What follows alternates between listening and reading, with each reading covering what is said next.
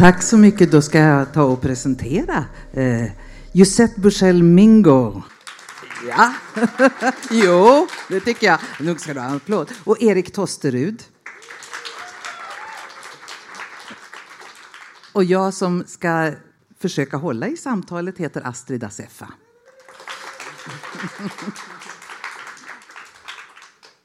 Demokrati. En av de, vikt, eller de viktiga sakerna med demokratin det är yttrandefriheten och försvaret av minoriteter, sa en klok människa. Och om 18 dagar så ska vi gå till val i Sverige. Ett ödesdigert val, tycker och känner jag. Och det parti som talar mest om kulturfrågor i det här valet heter Sverigedemokraterna. Och om ett sånt parti, och med de följegrupperna, de som faktiskt offentligt har deklarerat att de stöder det partiet, till exempel Nordiska motståndsrörelsen och andra öppet nazistiska, rasistiska organisationer, eh, om de skulle få mycket makt så är det ganska många av oss som inte får och inte kan leva i Sverige. Tre sitter på den här scenen. Det är vad vi står inför den 9 september 2018 efter en sommar med extraordinär värme och många bränder. Det var väl trevligt att börja så där vid frukostdags. Men det är allvar. Det är verkligen allvar nu. Och när vi befarar såna här svåra, mörka tider, och det, ja, men de har ju redan startat. Det är möten varje dag i vissa städer, nazistiska möten. Det är marscher som ska gå igenom de stora städerna. Eh, men när vi befarar såna här svåra och mörka tider, då behöver vi eldsjälar, vi behöver visionärer. Och här sitter två eldsjälar, visionärer, aktivister, Josette och Erik. Så att det finns hopp, hörni. Och är man ni som är här till frukost, det finns hopp. Så låt mig inte sänka er totalt med det där eh, framtids, eller ja, om 18 dagar eh, spaningen. Jag ska göra en kort presentation av dessa två fantastiska människor. Och jag börjar faktiskt med den unge mannen. Ja. Eh. Absolut inte. Kära unga du, jämfört med mig så har du ingen ålder alls. Eh, ekonom från Uppsala universitet pluggade du ekonomi på. Och nu är du i Göteborg och eh, studerar internationell kulturprojektledning på Kulturverkstan. Det är ju en intressant ekonom. Och vad jag förstår så, så är det, var du lite udda bland ekonomerna med ditt stora kulturintresse och din bredd. Och jag vet att naturvetenskap ligger dig varmt om hjärtat också. Eh, och eh, du har gjort praktik den här våren. Och då valde du att göra praktik på Harlem Stage som är en, ett scenkonstcenter för people of color vilket inte går att direkt översätta till svenska. Då blir det fel. Eh, färgad är inte någonting som någon av oss bli, vill bli kallad. Hudfärg har vi allihop, även om de är av olika eh, grader. Och du har varit producent för eh, Bananteatern, en barnteatergrupp i eh, Uppsala, och för Cirkus Cirkör. Och du har ett år kvar, eller två år kvar på din utbildning. Ett år kvar på din utbildning. Och eh, vi återkommer till det här med din praktik alldeles strax. Och sen den inte gamla, men ändå visa, Josette Bursell Mingo. Skådespelare, och regissör, ursprungligen från London eh, och chef för Tyst teater, Riksteaterns Tyst teater under 13 år och ett par veckor till. Eh, och I höst så tillträder eh, Josette tjänsten som prefekt för skådespelar och mimutbildningen på eh, Stockholms dramatiska högskola som ingår i den konstnärliga högskolan Uniarts. Ja, och detta, och vi är många som ser fram emot förändringarna. Va? Du har ingen mick på. Terje vill inte att du ska låta. ja, just det, knapp på det. On. Yeah, yes. maybe. Maybe. Ja, en del av oss ser väldigt mycket fram emot förändringar. Um, och ja, men du, har gjort, ja, men du hinner med rätt mycket. Du regisserar och du spelar själv. Uh, du har turnerat uh, både i England och Sverige med Nina Simone. A story about me and Nina Simone. Yes. Uh, och eh, något som är viktigt i det här sammanhanget är också att den första svarta uppsättningen i Sverige den stod du för och regisserade. A Raisin in the Sun, en, en eh, druva i solen. Jag vill så gärna säga ett russin i solen, men så är det inte. Eh, av Lorraine Hansberry, en, en verkligen klassisk eh, afroamerikansk pjäs som hade premiär 1959 i New York och som verkligen betydde oerhört mycket och som visade sig betydde väldigt mycket i Sverige också när den turnerade runt landet med en svart ensemble. Det har inte skett förut i Sverige. Eh, och eh, du, ja, du, hade huvudrollen i en film, Danny Koyate, en fantastisk filmskapare. Nu har jag glömt namnet på den filmen. Na, jag har glömt namnet på filmen. Ja, kommer du ihåg? Nej, du kommer inte, vi, vi, kommer inte ihåg namnet på den fina filmen. Men om ni kollar Danny Koyate så kan ni hitta. Aha, of the film. The film is called Medan vi lever. That's the film. Medan vi lever, så ja. Just det, tack. Yes, okay. eh, och dessutom, du är en av grundarna av Tryck som är en organisation för svarta svenska eh, konstnärer av alla de slag i Sverige.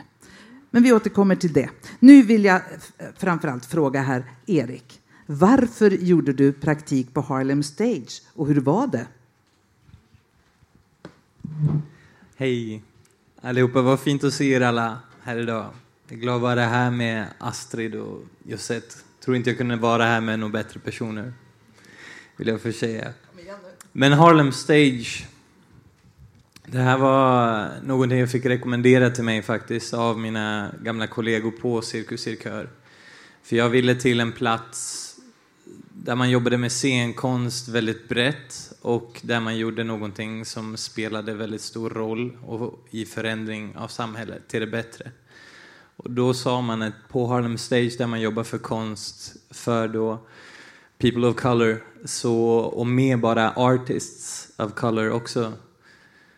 Och det här har man gjort sedan 1979.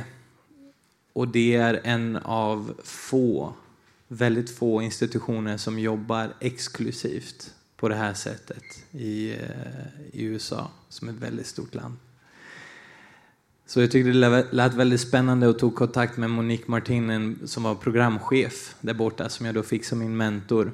Och under fem veckor bara, men som känns som en evighet, så var jag tillsammans med henne och fick upptäcka att det arv som man har, oavsett vad den är, kan spela all roll för vad man gör i ens jobb och vem man är som person till dagarna. Och man kan välja vad det är av det arvet som kommer spela roll och hur man använder den. Och jag har aldrig varit medveten om det förut på det sätt som jag fick uppleva att man är i Harlem och speciellt på Harlem Stage. Så därför får jag dit. Jag återkommer med fler frågor. Men eh, Josette, du har ju också kontakt med Harlem Stage och du är, är ganska inspirerad av afroamerikansk rörelse, uh, yeah. kultur. Thank you, Astrid. First of all, good morning, everybody. Um, and that the African American experience for me is only. Everybody okay with the English? Yeah. Is it slow enough? Okay. Um, the African American experience has also been a very important part of how I've grown up, but I am from the East End of London and I'm working class. So I have another intersectional. My relationship with the United States was very much to do with the most recent um, award that uh, the ensemble om en druven i solen got, which was Konstnärsnämnden, to go to the United States. The story behind that was to bring Afro Swedes to meet their African American counterparts. The moral of the story was that history has split us and divided us. But through this artistic exchange, the characters would meet each other. So you have to imagine a room where the Afro Swedish Benitha and um, Walter walked into the room and standing opposite them was the African American Walter and beneath her. They looked the same, they sounded the same, they had the same lines, they laughed at the Swedish guys. Can you say that line again in Swedish? Oh my God, that's the line that we say. Um, it's been over a period of time, and in that meeting, we had the opportunity to meet Harlem Stage, the great Monique, of course, and Patricia Cruz, who runs the theatre. Um, and I think over time I've understood that the African American history is only part of the African story. They hold a specific part of us, but not all of it. Uh, so my relationship has been as a young black British woman growing up, the United States was the first point of call for the good and the bad. I understood about South Africa and the atrocities that happened there through the civil rights in the United States. Um, so it's a passionate and um, inspiring place for me still that continues to show me um, how I can be um, and how I must articulate myself. This is something I've learned specifically from my journeys through several um, African countries, particularly the United States, but um, yeah, learning how to articulate my blackness. This is something that I've really got very strongly from the States and the plays and the stories and the histories and the tragedies. Um, so, yeah, that's my relationship, sort of. Eh, eh, eh vill du säga någonting mer om, om eh, din, din praktik och vad du, förutom detta med att ta vara på ditt arv och så vidare, eh, vad, vad, vad är ditt arv förresten? Ja, här sitter vi, eh, tre bland människor. Jag är ju eh, brasilian och eh, dalmas. Fin blandning. Och det gör... Eh, vad betyder det för dig? Ja, det är ju det. Det är det. Vad betyder det för mig? För det här har ju bara varit ganska latent i mitt liv ändå skulle jag säga att när jag kom från Brasilien hit som barn då, var det ju, då handlade det om mitt utseende och att jag skulle lära mig språket. Och då betydde det väldigt mycket att jag var väldigt annorlunda i lilla Falun. och sen så när jag for tillbaka till Brasilien för att bo där då var jag väldigt, ja då var jag kallad svensken istället för mitt namn. då, trots att jag såg ut som alla så var jag annorlunda då och tillbaka igen. Så jag har alltid varit udda, precis som en ekonom i kultur Göteborg.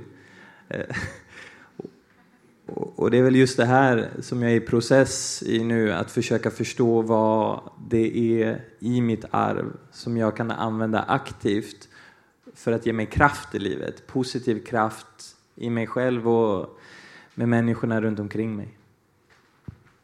Jag kan känna igen rätt mycket som värmländsk etiopisk. Ännu uh, mindre ställen än Falun. Um, I just wanted to reflect on that point um, also as well. Who you are and what you're, where you are from is often more interesting for others that definition and question is based on everybody else's. Okay, wanted to know where I am from. I know exactly where I'm from. I know the journeys that I've had to go through to get where I am. Uh, nobody has the right to tell me where I'm from. I am all things. And that's what the United States continues to show us, is that there is diversity. Harlem Stage isn't the only company. There's uh, National Black Theatre Harlem, which comes from a much more radical route there, uh, talking about in the same way as Harlem Stage. I think that question is an interesting one of other people being more interested in where I'm from because it makes things easier for them. Doesn't make it easier for me. Um, there's always been that, you know, men jag bara frågar dig var du kommer ifrån. Vad är det för problem? Mitt fråga är varför du frågar mig. Är det för här du frågar? Eller här? Eller vad, vad är det? What why do you ask me that? I don't ask you where you're from. I might see you may be different, but it's not my first point of call. Var kommer du ifrån? Ja, Göteborg. Hej, var kommer du ifrån? Stockholm. Nej, men innan det. Yeah whatever, you know. It's, and I think that's an interesting turning point. Why do you want to know? Why do you need to know? What does it help in the discourse? Det blir, eh, även om det är en ofrivillig, så blir det en markering av utanförskapet. Att alltid fråga, eh, var kommer du ifrån? Eh, och sen inte vara nöjd. Vi har en gemensam eh, kollega, en skådespelare från Kolltorp här i Göteborg eh, som när han var liten och satt på spårvagn så och var, först började de prata engelska med honom när han då pratade göteborgska, förlåt min göteborgska. det där var illa, appropriering. så, Jo, då, då, och så sa han, Kolltorp. Och då sa de, nej men egentligen Kolltorp. Och han satt där och sa Kolltorp och ingen trodde på honom. Vi har, jag har varit med om det hela mitt liv. Yeah. Mitt långa liv. And yeah, why is it interesting? What do you need to know? What will it give you? Why will it make you happy when you know? Men det, men det är ju, som var och en av oss, Emma, vi har ju så mycket av det koloniala eh, tänkandet och arvet i oss. Och jag säger vi, därför att jag är född och uppväxt i Sverige. Så jag har det också, även om jag mer blir utsatt för den än många av er. Så, så eh, vi, att vi måste erkänna att vi har det. Att det är inte så oskyldig den där frågan, utan det betyder någonting. Det är en markering. Fastän vi inte ville något illa egentligen, så blir det det. Mm vad, vad, vad, är det som driver er? Ja, men ni jobbar hårt båda två med, och brett. Ni jobbar med många olika saker. Vad ser ni för drivkraft? Ja, vem vill svara? Ja, yeah. var först. Um, what drives me? Um, lots of things. I have an intersectional drive. Um, my my fear drives me quite hard. I thought the picture that you brought at the beginning of this shared discussion isn't so pessimistic as realistic. It is no longer a case of what are we going to do about it. For me, it's how are we going to survive it now. Whoever anyone says, oh, there's always hope, hope has to be earned. You can't take it. You can't, it has to be earned. So, what drives me is my own fear that I, as an artist, may one day look back on my life counted only through productions and will have made no fucking difference to this world or not. What drives me is people like yourselves and great allies out there who um, have risked so much more than I have to allow me to be here. Uh, my two sons drive me, literally, uh, with their growing understanding of why I'm here this morning and not at hospital with my son, uh, who actually has a, that sounds more dramatic than it is, it's a regular appointment, but we thought it had gone. Um, for me to explain to them on what's up this morning, what I'm doing, and why his dad is there. Because the platforms that I have allow me to deal with the fear. What else drives me is the profound belief that the arena of art is one of the last places where we can do what we need to do. I don't, out there on the street, I think it's something else. I think um, we are moving further and further away from what's happening here. You're absolutely right. Val in 2018, sands of time. I mean, three weeks to go. Um, most of the people I'm speaking about are not optimistic at all. Uh, what drives me? I was say naughtiness. That's what drives me. Some of the things. Equality. I mean, everybody has the right to. Um, and my anger. Yes. my rage drives me to do extraordinary things. Extraordinary things. And it's not a rage that is uncontrollable, it's useful. Yeah. Mm. Erik? Jag skulle säga att det verkligen är det, de svåraste sakerna som hänt i mitt liv som driver mig idag. När jag tänker på det. Och det är väldigt lustigt för att när jag känner mitt driv då känner jag mig väldigt passionerad, ambitiös och lustfylld ofta. Så det är lustigt att det kommer från så mörka platser. Men eh, det driver mig väldigt mycket, just den här bara känslan av, av utanförskap i mitt liv, av att aldrig aldrig få vara med, precis som alla andra, driver mig jättemycket. För att jag var alltid utanför. Alltid, alltid utanför. Och, där, och fick kämpa väldigt, väldigt mycket för att ta mig in, alltid. Och därför ser jag till idag, eller så har jag ett enormt driv idag, att aldrig se till att någon är utanför. Någon annan, för ingen får uppleva det jag har upplevt. Och speciellt om man är som jag, jag har en lillebror som är 11 år yngre. Han är precis som jag på många sätt. Och han, får aldrig, han ska aldrig få uppleva det jag behövde uppleva, mm. tänker jag. Så då kämpar jag hela tiden för hans skull och för alla andra som jag bara ser omkring mig. Det spelar ingen roll om det, det spelar ingen roll om man ser ut som mig, det behöver man inte göra. Det spelar absolut ingen roll, utan i ett sammanhang, vilket som helst, så har jag alltid ett öga för, är det någon som är utanför här just nu? Och då ser jag till att göra någonting åt det. Och jag behöver kämpa hela tiden för att göra någonting åt det. När jag jobbade som producent för Bananteatern då var vi runt överallt runt om Uppsala, överallt runt om Stockholm till alla barn som inte är i centrum och som inte får ta del av konst och kultur och som inte åker iväg på härliga sommarlov utomlands under, under sommaren utan som är kvar på sina små orter. Då åkte vi ut till dem, för de är utanför. Så det är alltid det. Det är faktiskt alltid det. Även om det visar sig på helt andra sätt så är det alltid det som driver. Nu inspirerade du Josette här tror jag. Always inspired, but especially you, Astrid. You inspire me. You know who she is, don't you? You know she's the first one. You know she's the one that started it all for us. Really. You did. No shit. You did. So we should be interviewing you, really. she's the first one at the theatre school. We should. She's the first one. Um, but I think what's also important is that, uh, and I don't know if you agree with this, but what also drives us is not just the, um, it's not just the struggle. A very famous phrase was said, it's not that famous now, which was, We are here because you were there. So that's the first thing. I think the other part of our work is to reclaim back what has been taken. How we are perceived and how we perceive ourselves and how we are in control of the way we are seen. This has been taken away.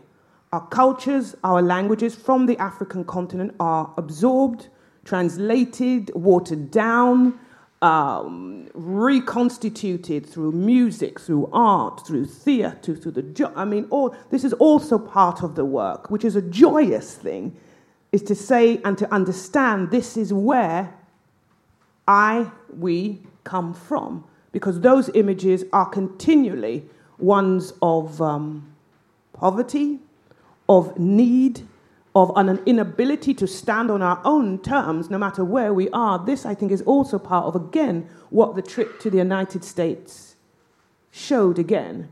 Is actually the reclaiming back. You need to let it go. You need to give it up. It belongs to us. That can be anything from the, at the museums all the way through to the plays, to the clothes, to the speak, to the hair, to the. You need to let it go. You need to give it back, or we need to take it back through the art and retell the story so you also get it in the right way and not have others tell it for us. I think this is also part of the joyous work. I must put that in. It's not everything is also driven from horror or standing on guard. It's also because of deep understanding of we're not so bad after all. They, they lied to us. We're amazing, actually. We're fun. So that, and that feeling is for every person, regardless of where you're from. Your own story and who you are, and to be in charge of that. That's very important. Mm. Ni, ni har varit egentligen inne på det, men varför scenkonst? Varför ägnar ni er så mycket åt scenkonst? Jag menar, ni gör andra saker också, men det är ändå, scenkonsten är, är ju nu huvudfåran för er båda två. Varför? Det var någonting jag hittade längs med vägen, skulle jag säga. För att, som du sa innan, naturvetenskap var vad jag höll på med. Och hade planer på att bli läkare. Och sen så kände jag, nej men det är ju människor det handlar om, det är psyket. Nu ska jag bli psykolog. Började plugga psykologi i Uppsala universitet. Men sen tänkte jag, jag förstår inte hur världen fungerar. Jag blir ekonom. Men sen förstod jag där någonstans att, att eh, ekono, ekonom, det jag har lärt mig nu, min kunskap i hur det här samhället funkar och vilken kraft jag kan ha genom organisation och företagande, det, det, det är ett verktyg till någonting. Och då kände jag, vart är det det verkligen finns en enorm kraft som påverkar människor och som påverkar mig?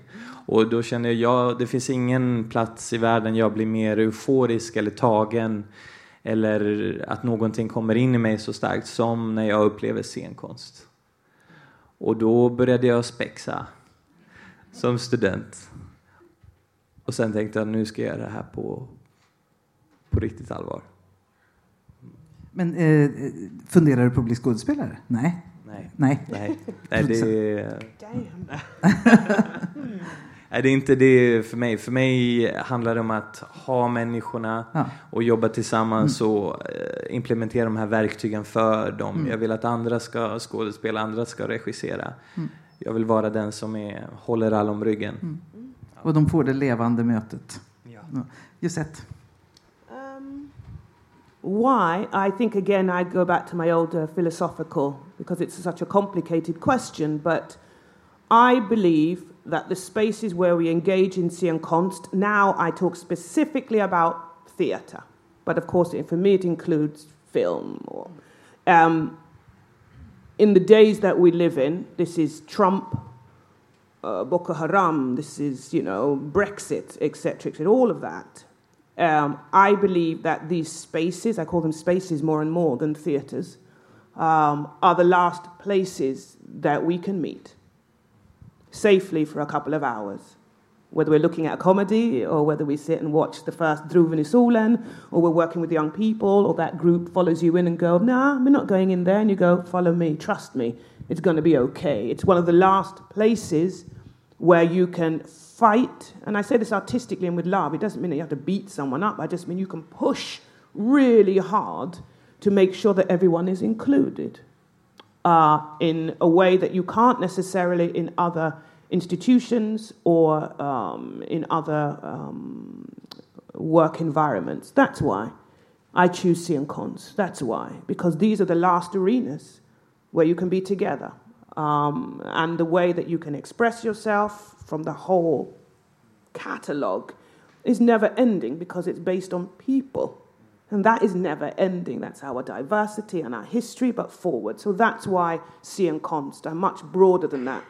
I believe that the spaces we create in C and Const allow us to ask and be ourselves and understand who we are at the most profound level and to go up against each other to find out who we are.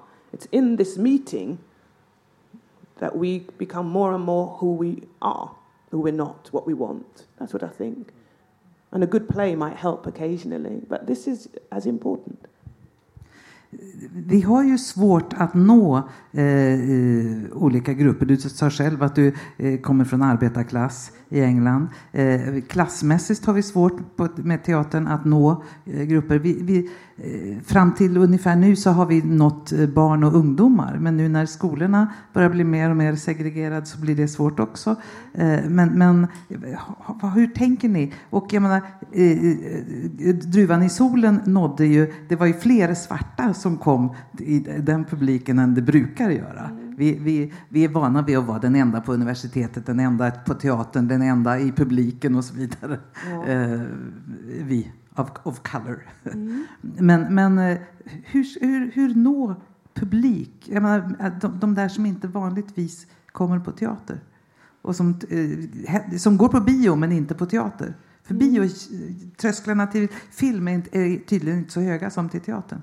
It's interesting that, isn't it? Um, because you've also got film, sport, um, opera, circus uh, continue to, to grow um, in that sense. So I, I think there's a lot to learn uh, from Sian Konst about what it is that's pulling people, what brings people to a concert, what allows people to sit in a cinema for three hours to watch a specific, you know, what is it that pulls people in a way? I just wonder sometimes, you know, if um, Black Panther was done as a theatre piece, would it draw as many people as the cinema? You know, I wonder uh, about that. But I think when it comes to, I can use Druven i Solen som an example, um, that what was very important is we did Druven i as a reading in terms of protest, uh, protest and process. But um, the reading was done in schools.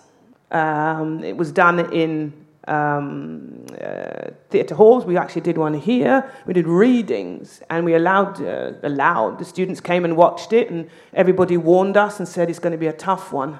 It's going to be really tough, Gisette, when you play that. You're going to read it. You're going to be doing it in English. These children are just not going to take it. I mean, they'll be yeah. Uh, nah. So all the actors are all kind of, you know, sweating. First time an all black ensemble comes on with complete characters. Uh, complete characters. They all walk on, they sit down with their books and they start in the auditorium. You'd heard the teachers before. Tyst ni alla nu! Tyst! Okay, nu, okay, nu vi ska börja. I mean, it was said with, you know, but you know, alla please, snälla. So I came out and I said, hi everyone. Just, I said, if you want to, you know, use your phones and stuff, absolutely, but no flashes because it just disturbs when we're reading. Uh, try not to film or disturb each other. If you're bored, it's okay, but we just need to test this. It's in English, okay? Yay! And the actors were even more sweaty by then. It's like, you know, okay, they're going to read it and then uh, we're going to break down and then sit in small groups together. Um, and they read it and they started to read it. And the auditorium, of course, was quiet. With the, and when the scene where Benitha, the young daughter, is fighting with her brother, and she says, you know, she literally does a version of that's what the equivalent would be, and the auditorium goes mad. Yes, you're right. Boo! I mean, it, the, the whole place kicked off. The whole place. And from then on until the end of the reading, they were gripped. Now, they sounds extremely patronizing. From an intersectional perspective, why wouldn't a younger person get it? But first of all, there was a further build, but also something that was missed was the demand, was the need to see it. It was the need to see this story for those majority white Swedish children that were there, and some Nordic, to see this story. They needed to see it, not because it was a black story, but because it was a great story, but because there were characters they identified with. And then the rest. And then when we sat in smaller groups, they were able to ask all of the actors anything they liked in smaller groups. The uh, moral of the story was is that um, reaching um, audiences whether they are young or youth, isn't the problem. It's being allowed to get there. Does that make sense? It's the schools and the teachers and the universities allowing the work in. It is, yeah, it's a much bigger picture. It does have an impact. It does change for the young people. It does reach them in a different way. But um, part of the challenge is getting in there. We've got to be able to get in. And if we can't get in there because of money, it becomes another thing. Um, so, yeah, I have no worry uh, about the next generation and the generation afterwards dealing with these things. Um, I have more concern about how we and this generation sustain ourselves. Jag tror att för, ehm, för mig har det handlat väldigt mycket om att släppa in världarna i varandra. För att jag har ju inte, jag har ju varit i många olika världar, ofta samtidigt och eh, det är inte självklart alls som du säger med teater eller med scenen för så många människor. Och då tycker jag att det ligger både hos övriga världar på att de ser vilken kraft som finns i scenen och sen för scenen att se hur de kan koppla sig an till de andra världarna. Och med ett exempel så är det till exempel när jag jobbade för Cirkus Cirkör eh, så hade vi en föreställning som hette Limits som handlade om gränsöverskridande. Och då gjorde vi så att varje gång vi kom till en ny stad med den föreställningen så tog vi reda på vilka organisationer och vilka människor finns det i den här staden som jobbar med flyktingar och med, som är hjälporganisationer och som har de här frågorna i sig. Och tog kontakt med dem långt innan vi kom till staden. Bjöd in dem till teatern och till att ha sina båsar och sina, sina platser runt omkring i, i foajéerna och i entrén och öppna upp långt innan föreställningen gjorde. För då var det direkt verklighet och i anslutning till det lokala. Eh, alltid. Och precis innan föreställningen. Sen så gick alla in och såg föreställningen och kom ut till den där verkligheten som på ett sätt eh, illustrerades inne. Och då med den här kraften av förståelse för vad en resa kan vara för en människa på flykt. Och sen så har man de här organisationerna omkring sig som är från min stad med människor som jag känner som gör det här. Och du kan tänka dig att det kom många andra som aldrig hade kommit hit med, för teater då. Mm. Och det här tänker även jag att vilket ställe jag än kommer till så vill jag ha samarbete intersektionalitet. Ja, there you go. Alltid vara där i de här andra världarna och sen så släppa in dem och bjuda in dem till oss. Jag tror att det är där man hittar nya, nya människor för scenkonsten. and, and um, ambassadors. A question just popped into my head. I was thinking of all the people out there, and I was actually wondering where are the Afro Swedes in Göteborg? Where are you? Men, um, I was thinking how many of you, uh, in terms of the diversity of your friendships, uh, would bring. Uh, if you have an Afro Swedish friend, or if you have a friend, of, would you bring them with you to the theatre? What is your work? What is your work out there as audience? You know, to encourage people to come into these arenas. You know? I uh, have many uh, Africa, African American friends and... Uh, aha, okej, okay, eh, Nej, men jag... Eh, det är både och, för att de är faktiskt inte så här uh, inne i teater och film. Utan eh, de jobbar vilket jobb som helst. Men det händer att jag bjuder in dem på föreställningar som jag ska gå på. Eller så bjuder de mig. Eh, senast så var vi och kollade på Jeanne d'Arc och eh, vännen som jag hade med, hon eh, jobbar som eh, professionell friidrottare. Och hon sa, hon bara, det här är bra föreställning för oss kvinnor. Och eh, alltså det, var, det handlar inte om hudfärg i det aspekten. Även om hon är från Nigeria så handlar det mer om att vi kvinnor ska stötta varandra till att tänka som Jeanne d'Arc. Mm. ja. Bra. Tack. Mm. Det här, är, är det någon som har en fråga eller ett påstående som ni skulle vilja komma... Ja.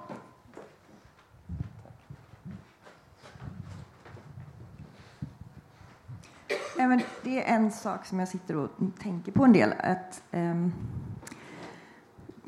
när, när du pratar om eh, att man inte ska säga var, varifrån, varifrån kommer du hela tiden och så. Att det, det handlar mycket om okunskap. Och fram till nyligen så eh, kallade jag, eh, alltså precis som man vill säga, men den personen, ja den rödhåriga eller den fräkniga eller den blonda. Så sa jag, ja men um, ja, hon, hon var mulatt, För att jag hade ingen, jag hade ingen aning om att det kom från mulåsnan. Och, och jag blev så här jättechockad. För att det är bara en benämning till att ja men så här, hon, ja antagligen en, en svensk mamma, en vit pappa. Och mm, jag skäms ju jättemycket för att jag har sagt så. Men jag hade ingen aning om att, om att det var någonting fult. Och jag tror att det handlar väldigt mycket om att vi måste utbilda varandra och egentligen lära oss i skolan vad, vad som är rätt att säga. Jag har vänner som säger neger och jag blir jättearga på dem. Och då försöker de förklara, ja men det betyder ju svart på, på spanska eller vad det nu är. Um, och ja, det handlar om att vi måste utbilda varandra. Ja, till exempel. Eh, en för nästa steg för mig är att där, uh, the n-word, som du säger, jag aldrig säger det nu. Det är det nästa steg som har kommit, vi säger the n-word. För det är hårt att höra där i rummet och så, det steg för steg. Nästa fråga som är filosofisk, vem ska lära dig? När vi kommer från generation efter generationen av att så mycket har hänt. Om vi blir trött att berätta till er hela tiden. Vem ska lära dig? Det är nästa fråga i mitt huvud. Jag håller med absolut, en okunskaplig. Och det kan bli smärtsamt, det kan bli pinsamt och starkt. Men precis som jag ser i din ansikte, ingenting är samma efter det. Du vet, för du vet, shit, här är inte bara det endast ord. Det är mycket sak. Men mitt fråga som min största, vem ska lära dig? Who, who can? Is it teachers? Is it us? Is it vem? Nej, jag vill prata nu! Så jag kan ta tillbaka det. Nej, men... men eh, vi, vi, tar inte för mycket samtal. Eh, jag tycker att skolan... Alltså vissa saker borde ju vara så självklara så att man tycker det är konstigt att... Ja, men verkligen självklart. Men jag tycker att skolan är en plattform för att vi utbildar hur vi ska behandla varandra. För att vi, skolan förlitar sig på att i familjen så, så ska man lära sig, men ofta är det kanske att, att barnen behöver komma hem och utbilda sina föräldrar. Så jag tycker vissa saker borde tas i skolan. Tack, Tack det var jättefint. Håller med. Mm. Jag, jag, tänkte bara säga en sak. Att ja, visst kan, kan vi skämmas när, vi, när det blir fel på det sättet. Skäms en väldigt kort stund. Och sen gör som du faktiskt har gjort. Ta in det och säga okej, okay, jag kommer att förändra. Så ägna inte allt för mycket tid åt att skämmas utan gör något annat och, och, och upptäck, men jag lär mig något nytt. Det är det. Och här blir en klassisk exempel att i här om rum, du kan prata så. I en annan situation är det ingen chans. Där jag menar varför det är så viktigt att prata. Du kan komma tillbaka igen och igen och testa igen och igen med folk som är där på gatan. Va? Vad sa du? Här, go, it's okay. It's okay. Bättre här mellan oss nu. I have you. Men ut där, det går inte. Och där jag tycker det är ett svårt svar till ditt frågor. Varför scenkonst? För det här. Det här huset kan hålla här typ av diskussionen. Eh, jag tänker också från här startpunkt. Men vi också har identifikationen för those from the Asian continent. Som också, där tycker det där, I see you wiggling there. Men du förstår vad jag menar? Nej, men jag tycker att där är, det är i rummet. It's in the room. That's also uh, a line of identification, I think.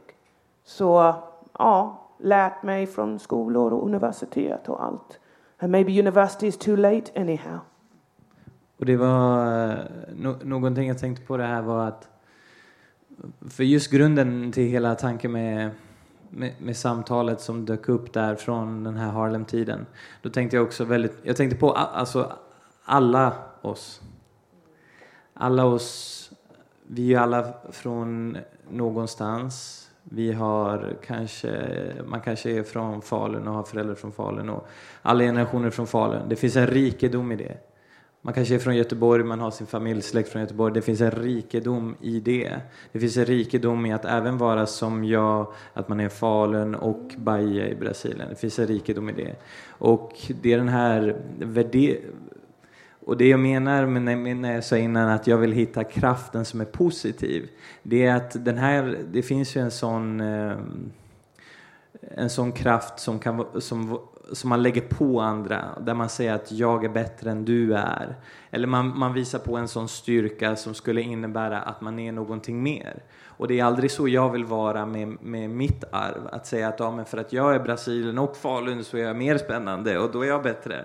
Utan eh, jag vill kunna säga att jag är stark som jag är och jag använder det för att stärka mig. Och du är stark som du är. Jag vet inte vart, vart ni alla är ifrån, vad ni har för, vad era föräldrar är ifrån, vart ni är födda, vart ni är uppvuxna, farföräldrar, morföräldrar. De kommer ju alltid någonstans ifrån. Och då, det jag är efter lite grann här, det är hur blir vi medvetna om, eh, om vad det finns för styrka att vara den vi är och sen så hur agerar vi ute i världen på ett positivt sätt med det arvet. Jag tänkte också på det här som du sa att eh, ja, ens rötter och så.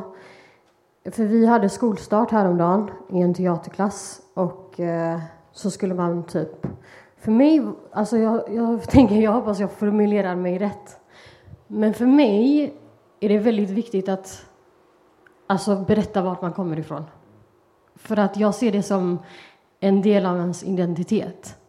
Så vi tog faktiskt en runda där jag sa till läraren, kan inte alla berätta sin ålder? Eh, vad var det mer? Ålder? Var man bor och var man kommer ifrån. För att eh, jag tänker att även om jag ser mig själv som svensk och alban och det är min identitet så tycker jag att man ska även vara stolt över var man kommer ifrån. Inte att det är liksom, jag är bättre än alla för att jag kommer ifrån, men jag ska inte heller skämmas för det. Alltså det ska, så tänker jag. Så det är därför när jag frågar någon var kommer du ifrån, det är inte för att jag försöker göra någon översittare eller eh, men Bör, börjar du med att berätta var du själv kommer ifrån när du börjar Det kan fråga? hända ibland. Ja, för det, det, kan ju vara en bra start alltså, att dela med dig av ditt ja, men, för att få reda på det andra. Sen en annan grej så kommer jag även från förorten. Jag kommer från Angered och det stolterar jag också. Alltså folk liksom säger, hur kan du vara stolt över att komma från Angered? Det är inget som är bra i Angered. Men så, ja, och så säger jag, men jag är från Angered och jag vill att alla ska veta det. Jag tycker kontext och hur du frågar är viktigt. Om du frågar fel, det låter fel. Eh, om det är tydligt och varför du frågar och du ser från ett intersektionellt perspektiv, det är helt okej. Okay. Men jag tycker är att i det intersektionella perspektiv, om det rullar hela tiden, du kan aldrig sitta och tycka att för att jag frågar om klass, det är helt okej. Okay. Du måste fråga från alla håll. När du frågar till exempel var kommer du ifrån, du måste också ha medvetenhet för så någon i rummet, det kan bli översensitiv fråga. Det spelar ingen roll, det är intersektionellt. Om jag säger um, alla, jag har gjort det ibland, alla står upp at the, at the end of Nina Simone och klappar händerna, men det två sitter som en rullstol. Fel. Vilken kontext kommer vi när vi frågar det? Och varför? Folk kan säga det är lite överdriv. Nej, jag vill fråga för att de som är lite rädda att svara jag är brasilien och så vidare vet att det kan bli en negativ reaktion. Det spelar ingen roll hur subtil det är. Folk vill säga att ja, du är alban och arbetsklass, men jag är afrikan som Nigeria. Och din färg separerar mig ibland från dig. Om det är medvetenhet i det här konstnärliga rummet, jag kan andas. För där vi möter i den intersektion. Om det blir en ton, och jag har sett det i några repetitioner när det funkar inte så. Men det blir så, ja. Eh, det kan landa fel. Så jag tycker rätt fråga från att bli stolt om vem du är, bara där är tydligt. Om det inte är tydligt när du säger, det kan se lite, varför vill jag, du vet. Så jag tycker helt rätt. Du, eh, eh, intersektionaliteten har varit ute och svävat många gånger här nu. Det kan finnas någon som sitter i det här rummet och inte riktigt vet vad vi menar med intersektionalitet. Ja. Ja, um, intersectionality was a word formed by the African American woman Kimberly Crenshaw. It was formed because she understood, uh, I believe in the 1980s, but you can Google that and say I'm wrong. But she understood. Ja, 1970 eller? Det var inte jag. Någonstans. Någonstans. But Kimberly Crenshaw. Intersectionality was a word she started uh, as she was studying when she understood that feminism was missing a crucial point, which is that you could speak about being a feminist and uh, driving the feminist question, regardless of your gender and identification, but it changed if you were an older uh, African woman, how you were received. It changed if you were um, an African woman or a Maori woman who also had a functional variation the intersection of who you are. So, for example, Astrid Yar, as you can see, we technically would identify as cis, but you don't know that, actually. And cis, then you have to. oh, sorry. cis. Uh, cis is also a norm as well. That's the identification of the norm. Um, intersectionality. Ah, precis. Uh, intersectionality looks at the intersection of people that you do not accept necessarily the first picture. You need to take in their age, their gender identification, their history, their religion. All these intersections change. If I said I was, yeah, Orthodox, Jewish, that will shift how you think about me. It is not true, that is not what I am, but it would shift how you thought about me. If I said before I was, uh, another time I was uh, a man and I've changed, you change again how you thought about me. These intersections is where it came from. And Kimberly Crenshaw understood that as an African American woman, feminism might not be doing her justice and missing her group of people out. That's very general. You can Google and correct me, podcast. Yeah. Jättefint, tack. Eh, eh, men, eh, feminismen i Sverige, eller feministiska rörelser i Sverige, är ju anklagade för att vara i stort sett helvita. Eh, eh, det är ett problem som vi jobbar med på olika nivåer. Att, att, att man glömmer eh, att, att det skiljer sig. För klassmässigt, ursprung, hudfärg, allt det där behöver komma med. Hör, hör, du, du, du pratar också om intersektionalitet. Ja, mm. alltid. Det är, och det är väl lite det, det här med stolthet är en intressant eh, fråga, för det är ett intressant ord också, och vad det, vad det betyder. Att vara, att vara stolt över någonting. Och då är frågan om man är stolt över någonting man har kämpat för att vara eller om man fick med sig det från första början. bara av att födas. Eh, och då är frågan också vilken nivå på, på en slags maxskala det här ligger som man själv kommer med.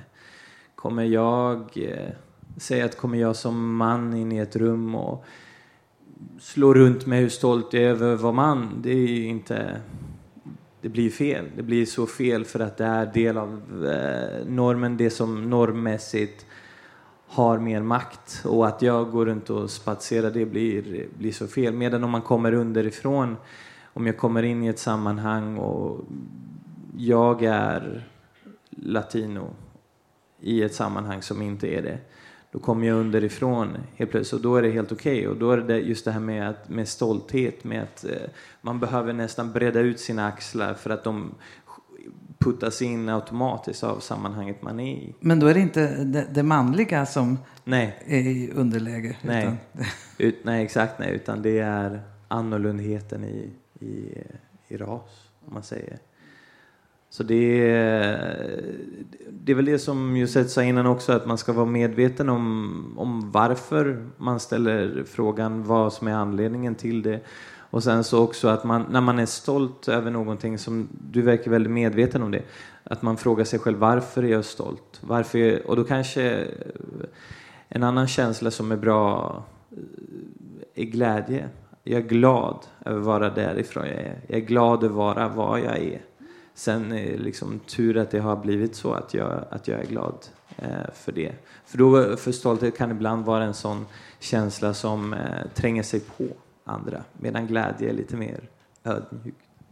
Och bara ska sticka emellan, du ska alldeles strax få ordet. Eh, den där lustkänslan, menar, eldsjälar, aktivister drivs ju väldigt mycket av, av, av glädjen i att kämpa och möjligheten att förändra det som behöver förändras. Varsågod.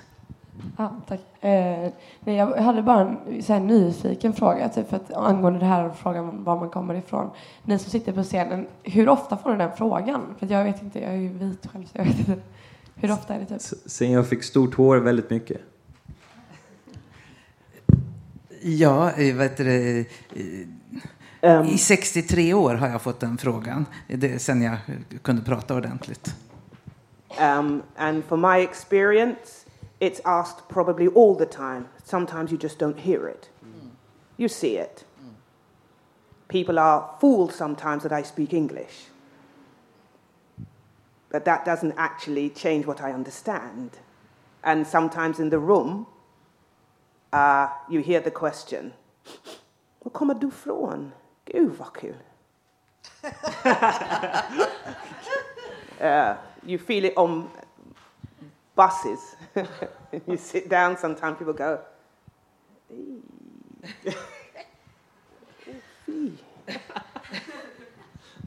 that question is there a lot of the time. Um, it doesn't mean it's not asked by anyone else for any other situation. Um, but yeah, it's there. Eh, ett sätt att, att uh, fråga varifrån kommer ifrån med sånt här hår. Jag uh, har väldigt lockigt hår fast det inte syns. Och, och sådär. Jag var 30 år gammal uh, sista gången som någon rusade fram till mig på Odenplan i Stockholm. En äldre dam och rufsade om i mitt hår och sa jag kunde bara inte låta bli. Det, det, är ju också ett slags främliggörande. Det gör vi ju inte. Menar, även de blonda kan sticka ut och wow, blond. Så det är ju sällan ni blir rufsade i håret för att ni är blonda.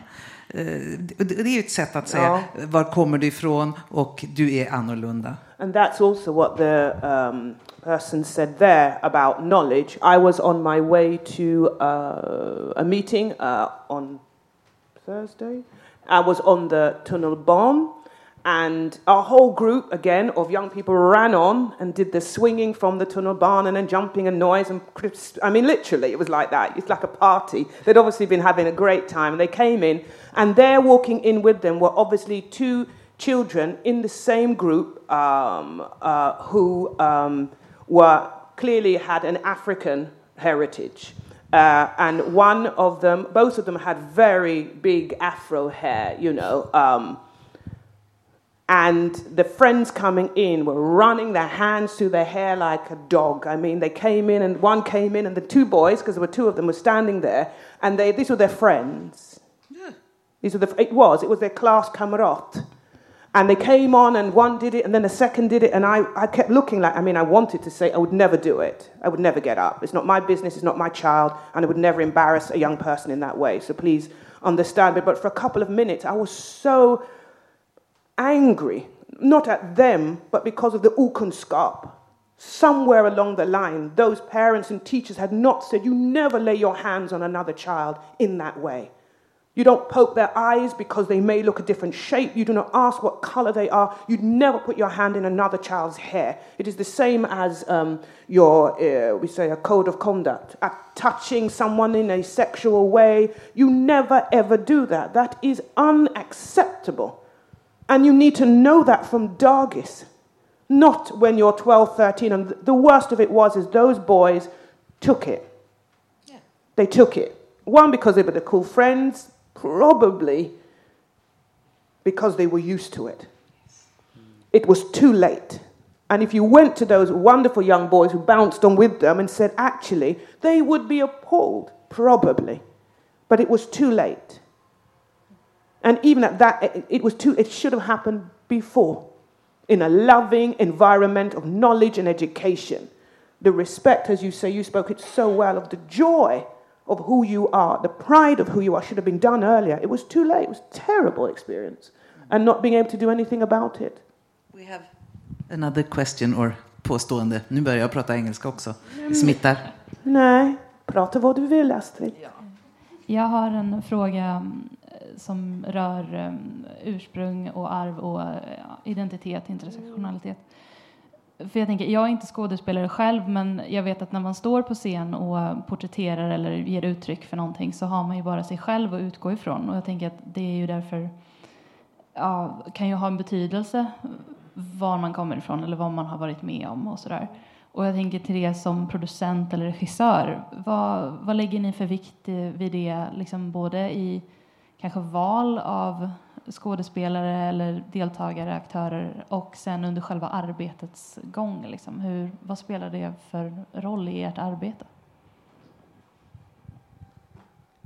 Det här, eh, jag kan ju berätta, jag har inte eh, nära samma erfarenhet eh, som andra. men eh, under den tiden jag jobbade som producent då hade jag, vi, vi hade en, det var en barnbok vi gjorde om till en föreställning med två stycken, eh, två barn. Och eh, i den här boken då så var ett barn mörkhyad och ett ljushyad. Och då var det, eh, året innan så hade de gjort en, samma, samma föreställning och så hade de gjort den med två, två vita skådespelare. Och det hade det var, det var lite problematiskt tyckte jag när jag kom in där som producent året efter att eh, man tog bort en representation som hade skapats av en författare till en barnbok just som poäng då att göra det här till någonting normalt eller jobba. Och det var en fantastisk bokförlag som hette Olika och de jobbar just för att eh, de som är olika inte ska inte ska känna sig som det, inte ska vara det eh, ta in andra i normen, stärka andra som är utanför den. Så då såg, såg vi till förstås att eh, representera. Och ja, för mig är det viktigt och det kommer fortsätta vara viktigt i framtiden eh, med att representera och att hitta det här positiva och starka i eh, olikhet. Det är inte så att jag kommer vilja ha bara det ena eller bara det andra. Det beror ju på vad det blir för föreställningar i framtiden. Um, for myself, it drives everything. It's also to have good white roles. It's not just about good black roles, to keep an eye on that. But there is a whole, an increasing whole of the lack of representation of stories from other cultures. Open the newspaper and take a look. You want to see something from other somewhere else? Forget it. It's not just about the representation on the stage as great actors or producers, it is the stories that we tell. We do not value other people's stories. We will not bring a production here unless it's an international guest production, and I mean Sweden, uh, from any of the African countries, from uh, the Indian continent, or from the Pan Asian histories. Where are they? Beyond something else, that those stories are seen as um, of value and just like, you know, the other stories would teach us something about who we are as human beings. So that drives everything until that balance is realigned at a complete intersectional. You will hear this again and again. What drives you? I want to see a play from the United States. I want you to produce it. I want you to do a solo show of um, Nora Thurston. I want to be able to do that book you were talking about and do it better and write the next time. I want you all to see it. One, because you'll have a great time in the theatre, and second, you'll probably work or walk away with something, which is what great theatre does. It transforms you. At the moment, if it was the alphabet, you're only seeing A to E, and you have been for some time. You have not been seeing the full alphabet of all the stories in the world, in the world that you could be watching in their own languages, translated like they do in opera. Oh, you're not seeing them. So, how do you know? Really? So, does it affect everything at the most profound level? Because it's also about great work, great artists, and then readdressing the balance. And the argument is simple you don't know what you're talking about because you haven't seen it. And until you see it, you cannot make a judgment.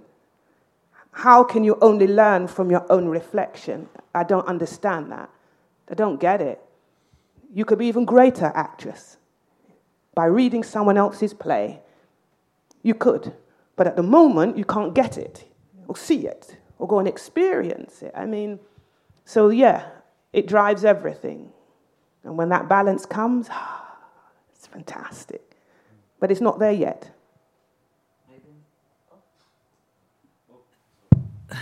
det är en hel värld som, som väntar oss, eh, vilket är väldigt roligt. Men sen är det också, eh, när jag var yngre så, så kunde de ringa och säga att eh, vi skulle vilja att du läser poesi. Eh, är, är, du bra på arabisk poesi? Jo, jag läser väldigt mycket poesi. Jo, jag kan en del, översatta då, jag inte på arabiska. Men jag är jättebra på fröding, på värmländska. Kan jag göra det också? Ja. Eh, så att det där att, att vi faktiskt också tar hand om eh, det svensk-svenska kulturarvet och blandar ordentligt. And also as well, it's not about taking away the Swedish. Human Nej. rights or civil rights is not about taking away something. It's mm. about making it equal. You keep your proportion, but it has to be equal to everyone else. It's mm. never about dismissing or um, putta, putta nya svensk kultur och historia. Det är starkt, det är vackert, det betyder mycket. Det är en del av vem du är, men utan andra, det är bara en del. Du är människor också, så jag tycker det är jätteviktigt och du är jättestark på det. Att du är svensk.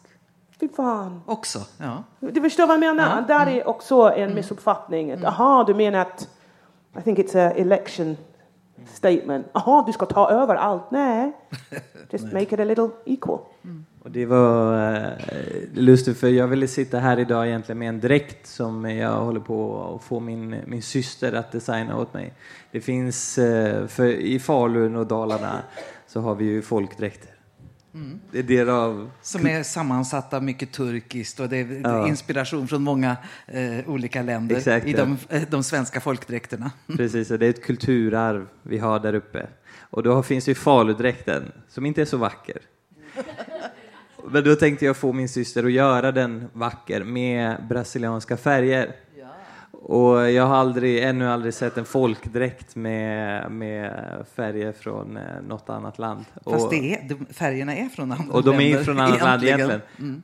Men det sägs att de bara är från socknen där de är. Men det är den här, och det är det, det är den rikedomen Men det där är de historielöshet. Exakt ja. Att, om de säger att det bara är från socknen, för det är verkligen internationell inspiration Exakt, ja. alla dräkterna. Så de blivit så vackra ja. Mm. Mm. Ja, Leksandsdräkten har jag stått och hållit tal i, i Leksandsgropen på midsommarafton. Då stod det strid på, i, i Kulturhuset i Leksand. Ja. En del tyckte det var toppen och andra tyckte att det var förfärligt att jag skulle få ha Leksandsdräkten på mig. Ja. Jo, jag tänkte på det här i början så nämnde ni nämnde det här med att um, att det är viktigt att artikulera arvet. Hur menar ni då? För jag vill också lära mig. Ja, det är bara att börja. Hur artikulerar du arvet? Ja, det är den processen är jag också nu. När jag, direkt när jag kom hem från, eh, från Harlem nu, då drog jag fram, då drog jag fram min, eh, min eh, brasilianska flagga Och så hade jag mina, mina Sverige-shorts. och så slängde jag på mig båda två. och det var ju bara för att synas, synas, synas den här blandningen och det var bara ut och bara för syns skull, att jag var olika saker.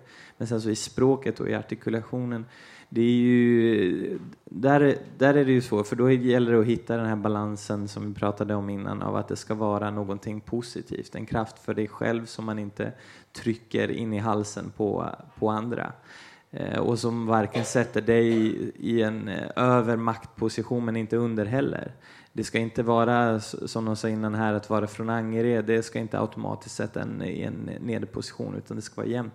Så eh, det är väl att ha insikt över vart man är ifrån med en kraft så att när du artikulerar vad du än säger så är det med den stol med, ja, stolthet, eller glädje och styrkan över att vara du.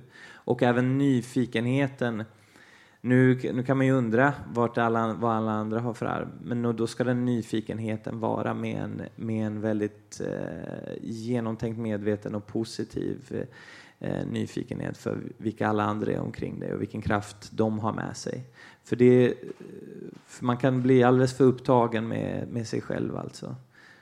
Man kan bli alldeles för upptagen med sig själv och vad det är man, man själv ska bära, vad man själv ska säga. Men se till att öppna ögonen och lyssna omkring dig samtidigt som du eh, berättar om dig. Och jag har ingen svar på den frågan eftersom jag håller på att jobba själv med det. Men man hittar det längs med vägen, bara man håller sig positiv och ödmjuk inför andra, tänker jag. Hoppas jag. Um, read as much as you can. find your truth in it, you must do that. You must read beyond what people are telling you to read. That's one thing. Um, I think I, for myself, have become clearer and harder and more lovingly aggressive in the way I express myself. As I grow, and I'm 54, so there's still a bit of growing to do, stronger in my identity. I think when you are thinking about where it is, where I come from, you must also balance what you are prepared to lose. Because you will lose things along the way your self perception about one or two friends, family, and colleagues that may see you differently. You don't have to do anything, you don't have to change anything, but that deeper knowledge comes. Toni Morrison, the African American, said, I cannot be the doctor and the patient. At some point, you must look in on yourself with that full awareness that you talk of read and read beyond. Be prepared to know what am I prepared to lose. You know what you'll gain. you know that bit. Is what are you prepared to give up for the rest of it? Once you know those things, they will drive you, and the rest will become easier. You will find you are more fearless. Doesn't mean you're without fear, it's just less of it. Uh, that you'll have more joy. You'll have clarity of being able to meet your friends and family with a, I can do that better now. I can deal with family and people. Doesn't mean I'm not afraid, but it means I can stand on a much stronger ground for it. Meet as many people as you can. Don't be fooled by the color of someone's skin. Don't. Your allies are all over the place, and sometimes they are afraid to come out and meet you. Um, also, as well, as much as we talk about this, I'm assuming you're in the arts of some kind, but it doesn't matter don't be misled by the arts as this inclusive, democratic, politically free. Don't. Look at the arts like an intersectional. Every room you open, there are others. That's how I would begin the journey. I'm not over it myself, but that's where I am. And it's great, I promise you. Those are the things I would start with. And then all of this goldenness here. Absolutely. Och eh, vid 54, vid 65 så pågår det fortfarande. Och det, det finns ju mycket smärta att... Eh, ja, eh, eh, eh, ja, men det finns ju också mycket smärta att hämta jag menar, i arvet. Det, det, finns ju förmodligen många smärtpunkter som också att ta tillvara och, och använda det av. Another thing that's really good, sorry, is mentor. Ja, ja just det. Mentorer är bra, ja. Mm. Eh, det här tror jag blir sista eh, frågan, eller, eller påståendet, vilket du vill. Varsågod. Eh, jag har en fråga angående hur man kan vara stolt om sina rötter.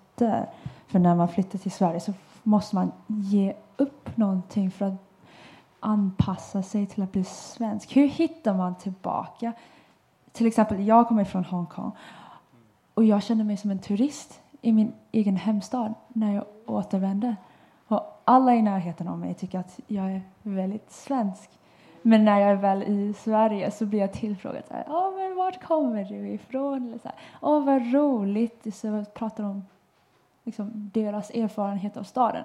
Och jag glädjas av att de har det så fantastiskt bra i min hemstad. Men jag känner att, oh, men jäklar, jag är en jävla turist nu, för fan! Uh, there's, t- there's two things. Uh, just to be clear about the mentor, I'm sorry I threw that in, but you can mentor each other. That's what I mean. You can help each other. You can link and just help me to do this. Help me to become this person. That's what I meant. It's not necessarily going out of your, um, your ram, or you can find your, and say, help me. In terms of your question, um, I think, ironically, Hong Kong is probably still there. It has never gone away. And that's the hardest part of it. It's the hardest part, is that it's always there. I don't know your relationship to the city or the country, that's nothing to do. And that's the hardest work, is that it's nothing about becoming Swedish. Jag pratar svenska också, jag sitter här, jag har ett stort myndighetsjobb och kan prata svenska. Men vi vet alla att det inte betyder allt. Och där är det storest och svårast kämp. Att jag är från där. Släpp mig fri. Och där är en, kanske någonting du måste själv göra. Let it go. De vill fråga dig. Och du säger ja, jag kommer från här och nu jag bor här. Vill du ha kopp fika? Du vet. Men där är det första. Jag ser att du är lite berörd nu. Jag har förstått. Men för oss som kommer, I'm English. I tried myself to be hey. Jag heter Josette, jag kommer från England. Jag nickar mitt huvud och jag så här och jag vill laga, vad heter surströmming och dans runt. Ah, alltid i midsommar och vill prata duktig svenska. But actually I'm Josette who speaks okay Swedish. Actually, and that's who I am. And I still am where I am today. It's okay. Vad sa du? Din styrk är din makt. Din styrkt. Who you are was always there. It has never gone. You need to let it out a little and remind people here what they took and where they were and what you and your culture have given them. And then you add it to Sweden. How lucky they are. Första steg, tror jag. Let it go. And demand from your colleagues that they can let it go. Let it go and help me to be that person now. Det är det första steg. Over to you.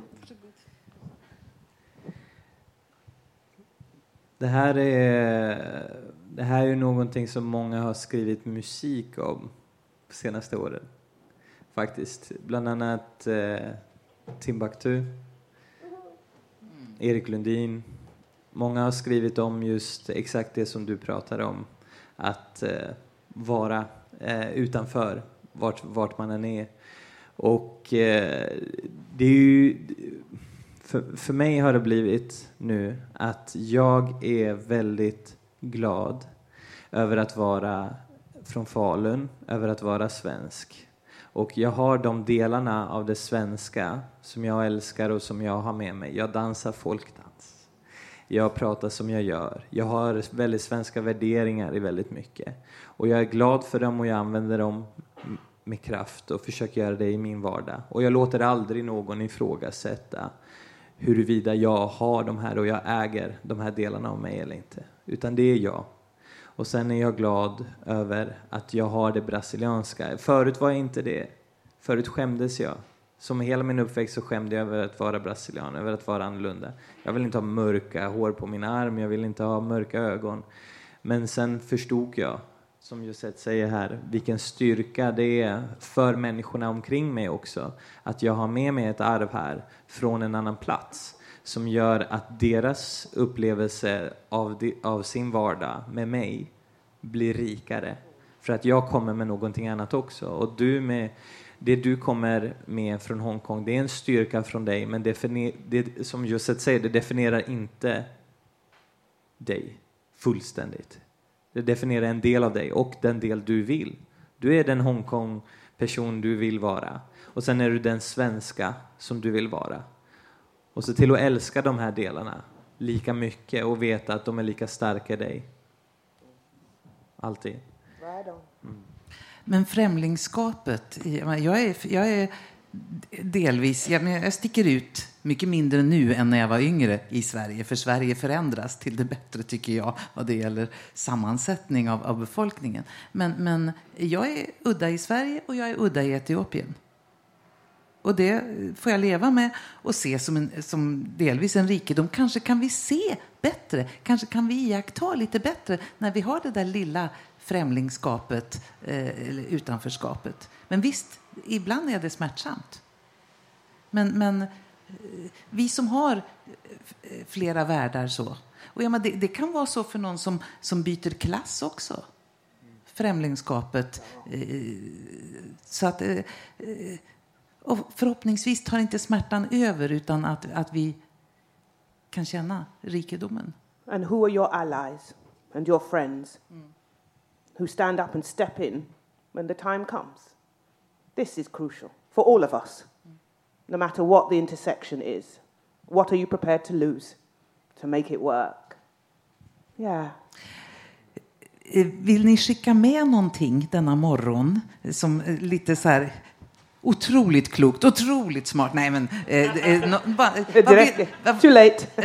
vad vill, för ni har sagt fantastiska saker, men eh, vill ni säga någonting här denna morgon? För vi ska avsluta alldeles strax. Vote right. Mm. That's it.